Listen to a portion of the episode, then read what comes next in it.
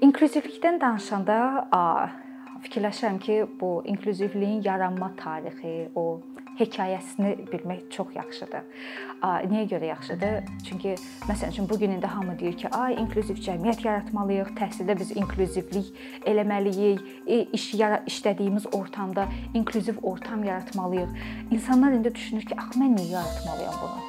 Mənə nə düşüb? Mən niyə eləməliyəm? Mənə xeyri nədir bunun?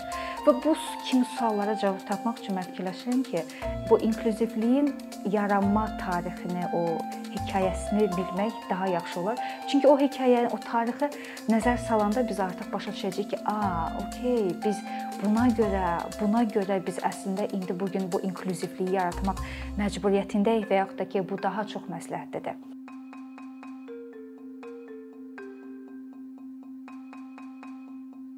Əvvəllər bu əlillik yarandığı dövrdən, ilk gündən həmişə buna termin olaraq tibbi yanaşma deyirlər.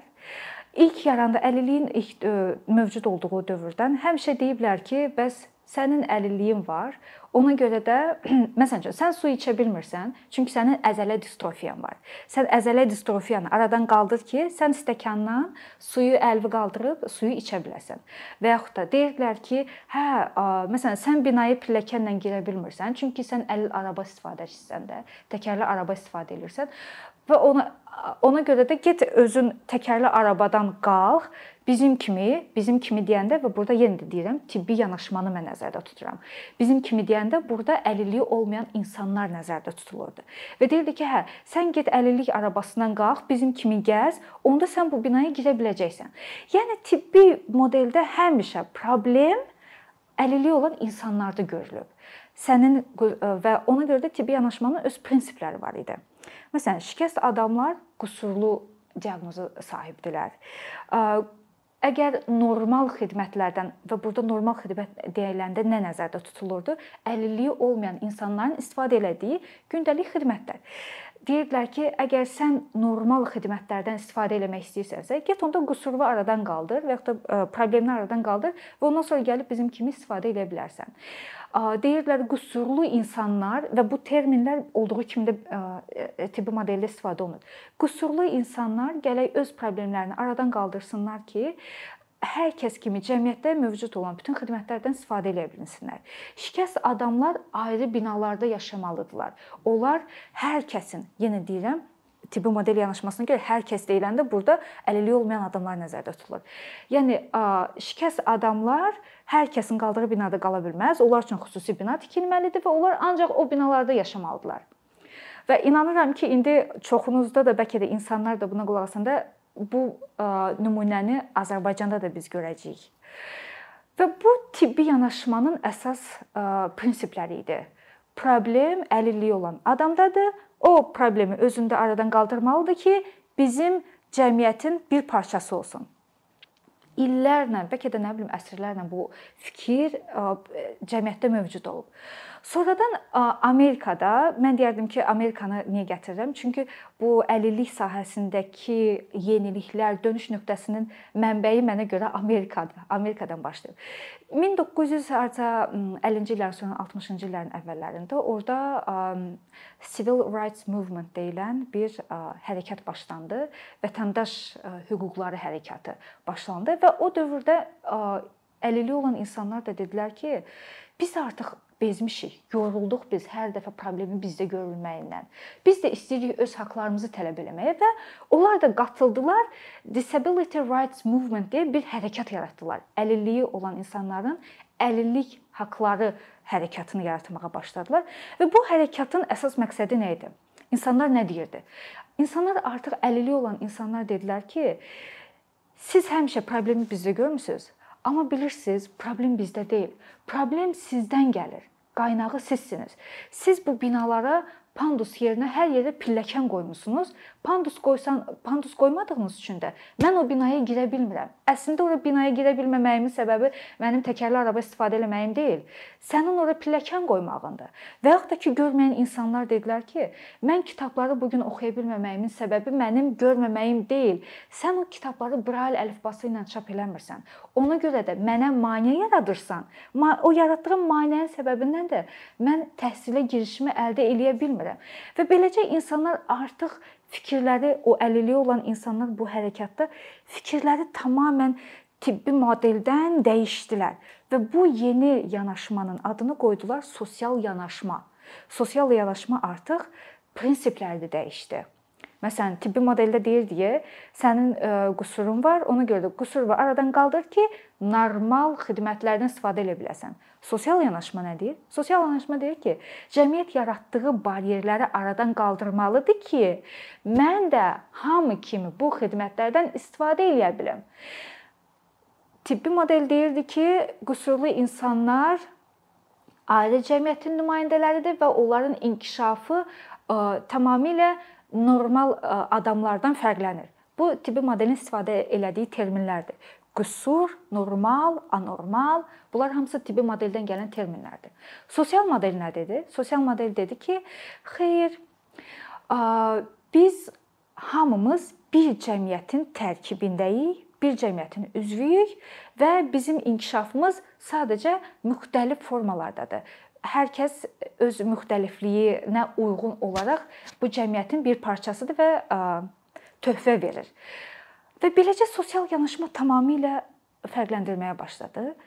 İlk dövrlərdə 1960-cı illərdən başladı bu artıq yanaşmanı dəyişmək, amma əlbəttə ki, bu asan deyildi. Təsəvvürə gətirin, əsrlərlə də bəlkə də insanlar həmişə öyrəşib ki, eşidiblər ki, a, əlilliyi olan adam bir şey istifadə edə bilmir, çünki problem onun özündədir. Və birdən birisi birisi sənə gəlib deyir ki, yox, problem əslində məndə deyil, problem səndədir, sənin yaratdığın maneələrdədir. Və bunu qəbul eləmək əlbəttə ki, asan bir iş deyildi. Və nəticədə nə oldu? 10 illərlə indi biz belə danışırıq, qısa taktiyə üstündən keçirik, amma 10 illərlə insanlar, o əlilliyi olan insanlar bu hərəkatı davam elətdirdilər. İlk dövrlərində sosial yanaşmanın modeli yarananda yenidən əlilliyi olan insanlar, əlilliyi olmayan insanlar düşündülər ki, aha, deməli bu əlilliyi olan o, olan adamlar deyirlər ki, problemlər biz yaradırıq, maneələr bizdədir. Onda biz belə bir şey deyək. Siz bizim cəmiyyətimizə inteqrasiya edə bilərsiniz. Və beləcə yarandı sosial yanaşmanın ilk mərhələsi inteqrasiya et. Və əminəm ki, şeydə Azərbaycanda da bu ifadəni eşidənlər çox olub. O qədər məsələn üçün mən özüm layihələrdə eşitmişəm ki, şeydir. Əlilliyi olanlar olmayanların cəmiyyətinə inteqrasiya eləməlidir. Biz onların inteqrasiyasına yardım eləmək üçün bu bu bu bu XYZ layihələrini həyata keçiririk. Və bu inteqrasiya et bax oradan gəlir ilk dövrdə. Və orada deyirdilər ki, sosial yanaşmanı fikir dəyişdi. Əvvəllər tibbi modeldə deyirdilər ki, əlilliyi olan uşaqlar ancaq xüsusi təhsil mərkəzlərində təhsil ala bilər. Onlar kütləvi məktəblərdə təhsil ala bilməzlər. Çünki tamamilə fərqli insanlardılar. Sosial yanaşma yarananda ilk mərhələdə dedilər ki, aha, əlilliyi olmayan uşaqlar da təhsil alma hüququna malikdir, amma onlar üçün evdə təhsil alma ən idealıdır. Onlar evdə təhsil alsa yaxşıdır. Çünki məktəblər onlara uyğun deyil. Onların inkişafına daha çox kömək eləmək istəyiriksə, biz onları evlərində şey, evdə təhsil verməliyik. Və Azərbaycanda da, da bu var. Və mən bildiyim qədərilə bu günə qədər də var. Evdə təhsil modeli hələ də davam eləyir bizdə. Və beləcə sosial yanaşmanın ilk mərhələsində əlilliyi olmayan insanlar əlilliyi olanlar üçün bir yeni bir ortam yaratmağa çalışdı, amma yenə də bunun əsasında diskriminasiya elə edərək ə, eləməyə başladılar. Çünki əlilliyi olan uşaqları evə bağladılar. Onları cəmiyyətdən yenə də təcrid elədilər. Hansı ki, yeni təhsil verirlər, amma təcrid olunmuş vəziyyətdə verirlər. Deməli, ə, əlilliyi olan insanlar bu ə, hərəkətə başlayandan sonra artıq onlar bir yerə gəlirlər və sosial cəmiyyətdə olan maneələrin 3 qrupunu, üç tipini belə müəyyən elədilər. Birinci insanların düşüncələrindəki maneələr. Bu düşüncə düşüncədəki maneə nədir? E, insanlar bir-biri ilə danışanda, əlilliyi olan və olmayan insan məsələn bir-biri ilə danışanda, əlilliyi olmayan adam qarşı tərəfindəki insanda onun əlilliyini görür. Məsələn onun bacarıq və biliklərinə fikir vermir. Sadəcə əlilliyini görür və bu da insanların düşüncədəki maneələrindən irəli gəlir. Özlərini bağlayırlar ki, hə, bu adam əlilliyi var. Məsələn üçün görməyəndə vəssalam, bu kodlaşdırma eləyə bilməz və ya da bu görməklə e, edilməli olan işləri görə bilməz. Bu düşüncədəki baryerlər yəni sosial maneə olaraq birinci qrup düşüncədəki maneələrdən ibarətdir.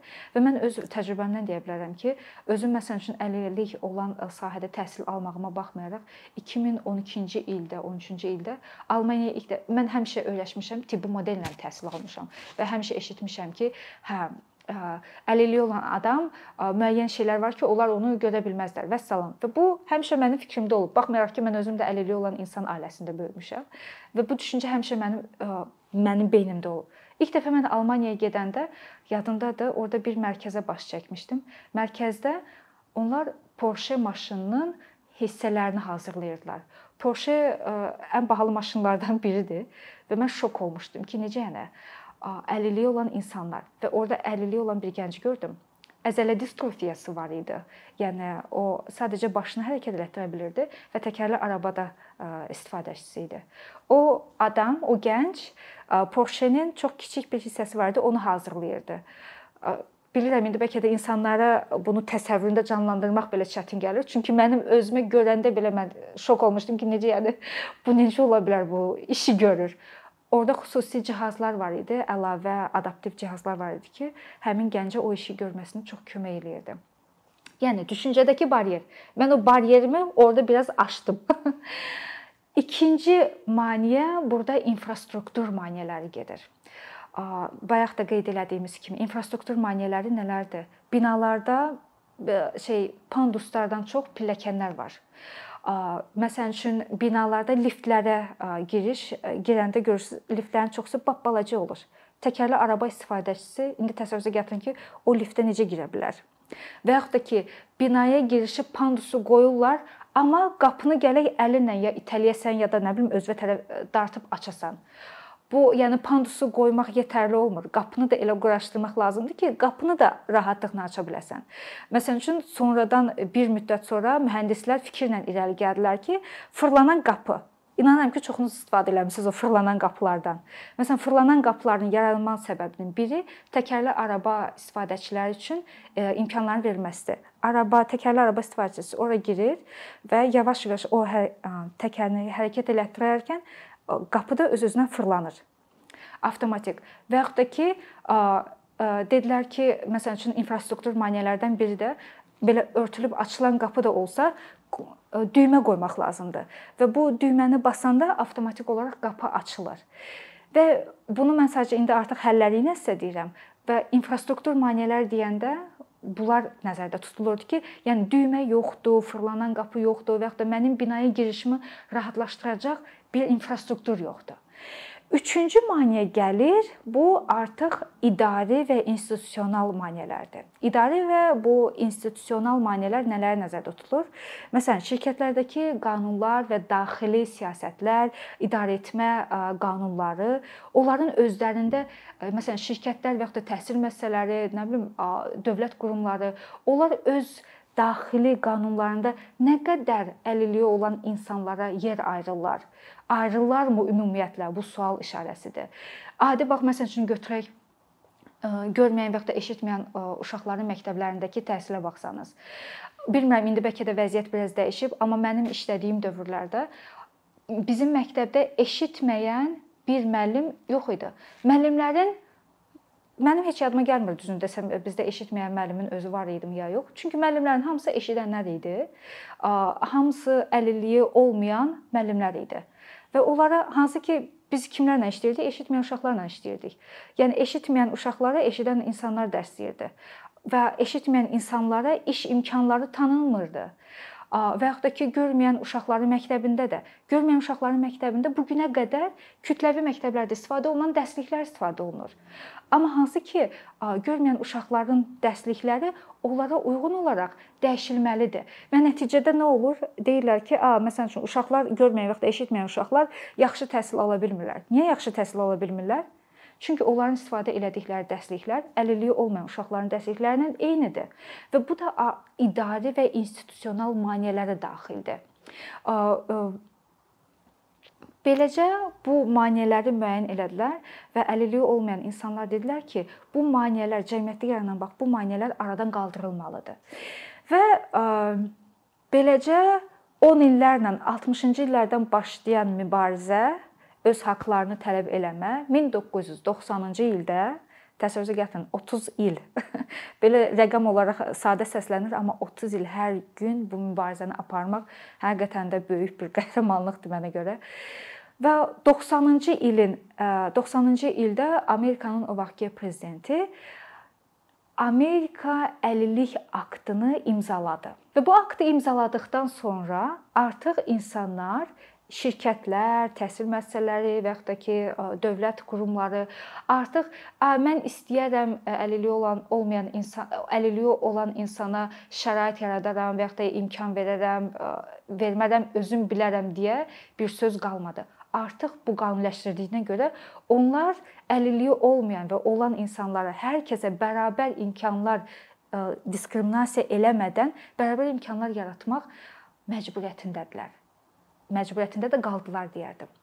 Və mənə görə deyərdim Amerika əslində bu dönüş Amerikanın o aktı qəbul etməsi bütün dünyada əlilliyi olan insanlara qarşı münasibəti dəyişdi. Çünki ondan 5 il sonra İngiltərə öz aktını qəbul elədi və əlilliyi olan insanlara qarşı diskriminasiyanın qəbul olunmamazlığını, qəbul olunmadığını rəsmiləşdirdi. Və yaxud da Kanada 2005-ci ildə onlar öz aktlarını qəbul etdilər. Sonra Hindistan 2016-cı ildə bunu rəsmiləşdirdi. Və bu rəsmiləşdirmək nəyə görə lazımdır? Rəsmiləşdirmək artıq bunu qanun halına salır ki, əlilliyi olan əlilliyi olan insanlar bunu hüquqları olduğunu başa düşür və bunu hər hansı bir yerə gedəndə diskriminasiya olunmasından qoruyur. Çünki artıq bu hüquq olduğu halda insanlar bunu tələb eləmək haqqları olur. Və tələb eləyəndə bunu əldə edə bilməsələr, bunu məhkəmə səviyyəsinə qədər gətirib çıxarda bilər. Hansı ki, əvvəllər bu hüquqları yox idi. Və bu hüquqlarının bilməsi də əslində çox vacibdir. Çünki əlilliyi olmayan Azərbaycanda xüsusilə mən deyərdim, Nəinki Azərbaycanda, hətta inanın ki, Amerikanın özündə belə bu hüquqlarını bilməmədi, bilmədiyinə görə bir çox insanlar var ki, ümumiyyətlə onlara hansı haqqlarının nədən ibarət olduğunu bilmirlər. Məsələn üçün görməyən e, bir tələbə universitetə qəbul olunanda o əslində bilmir ki, o orada təhsilini maksimum yaxşı təhsil alması üçün ona orada hansı imkanlar təklif olunur və bunlar da hamısı qanuni şəkildə idarə edilən bir məsələdir. Belə, yəni indi deyəcəksiniz ki, bəlkə də indi dinləyicilər də deyəcək, bu tarixi nadiri niyə danışır bu Elnarə xanım bizə? tarixi nadiri bilmək əslində çox yaxşıdır. Yenidən deyirəm, bu bir daha belə geri baxanda biz başa düşürük ki, a, bizim bugünkü davranışlarımızın əslində kökü hardan gəlir? Biz niyə bu gün qüsurlu sözünü hardan istifadə edirik və niyə bu gün biz qüsurlu sözünü istifadə eləməməliyik əslində? Niyə məsəl üçün Azərbaycanda əlilliyi olan insanlar üçün ayrıca bina yaranır, bina tikilir? Bu hardan gəlir? Bu tarixdən, bizim o tibbi yanaşmadan gəlir. Məsəl üçün dünyanın bir çox ölkələrində Azərbaycanda daxil bu gün də yenə də xüsusi təhsil mərkəzləri var. İnanıram ki, bu tarixi indi qulaq asandan sonra insanlar başa düşəcək ki, a, əslində bu xüsusi təhsil mərkəzləri necə olub ki, yaranıb və biz niyə indi onları əslində aradan qaldırmalı və onları bir araya gətirməliyik.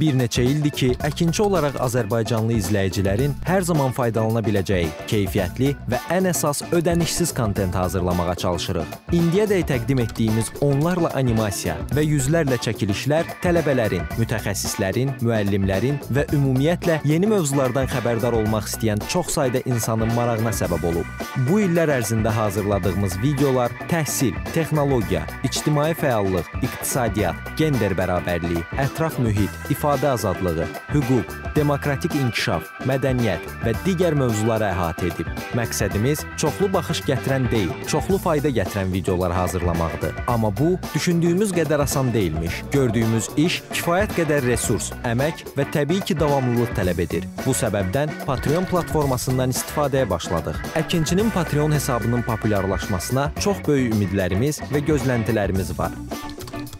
Bəziləriniz Patreon haqqında ilk dəfə eşidirsiniz. Əslində çox sadə izahı olan bir platformadır. Təsəvvür edin ki, siz rəssam və ya musiqiçisiz. Sosial şəbəkələrdə sizi izləyən, işinizi bəyənən çox sayda insan var. Patreon platforması sizə imkan verir ki, izləyicilərinizin könüllü aylıq ödənişləri sayəsində işinizi davam etdirəsiniz. Sərgi, konsert zallarından asılı qalmayasınız. Amma bu təkcə rəssam və musiqiçilərə aid deyil. Məsələn, əkinçiyə bənzər fəaliyyətlə məşğul olan bəzi layihələrin 10 minlərlə patronu var. Biz də düşündük ki, nə üçün əkinçinin Patreon hesabı olmasın? Sizin dəstəyiniz sayəsində biz daha çox və daha keyfiyyətli kontent yaratmağa davam edə biləcəyik. Amma bu dəstək yalnız maddi dəstək deyil. Dəstəkçilərimizin sayının artması gördüyümüz işlərin faydalı olduğuna dair əminlik verir. Patreon platformasından istifadə çox sadədir. Hesabınızı açırsınız, sizə uyğun dəstək növünü seçirsiniz və Patreon özü hər ayın ilk günü kartınızdan seçdiyiniz dəstək növünə uyğun ödəniş tutur. Bu qədər. Sonda onu demək istəyirik ki, dəstəkçilərin sırasına qoşulmaq istəyən, amma məhdud imkana görə bunu edə bilməyənlər narahat olmasın. Daha öncə dediyimiz kimi, bizim əsas məqsədimiz daha çox insanın hər zaman faydalana biləcəyi keyfiyyətli və ödənişsiz kontentin yaradılmasıdır. Bunun üçün mütləq patronumuz olmalısınız deyə məcburiyyət yoxdur. Amma imkanınız patron olmağa çatırsa və bizim işimizi bəyənirsinizsə, patronlarımızın sırasına qoşulmağınız bizim üçün çox önəmlidir.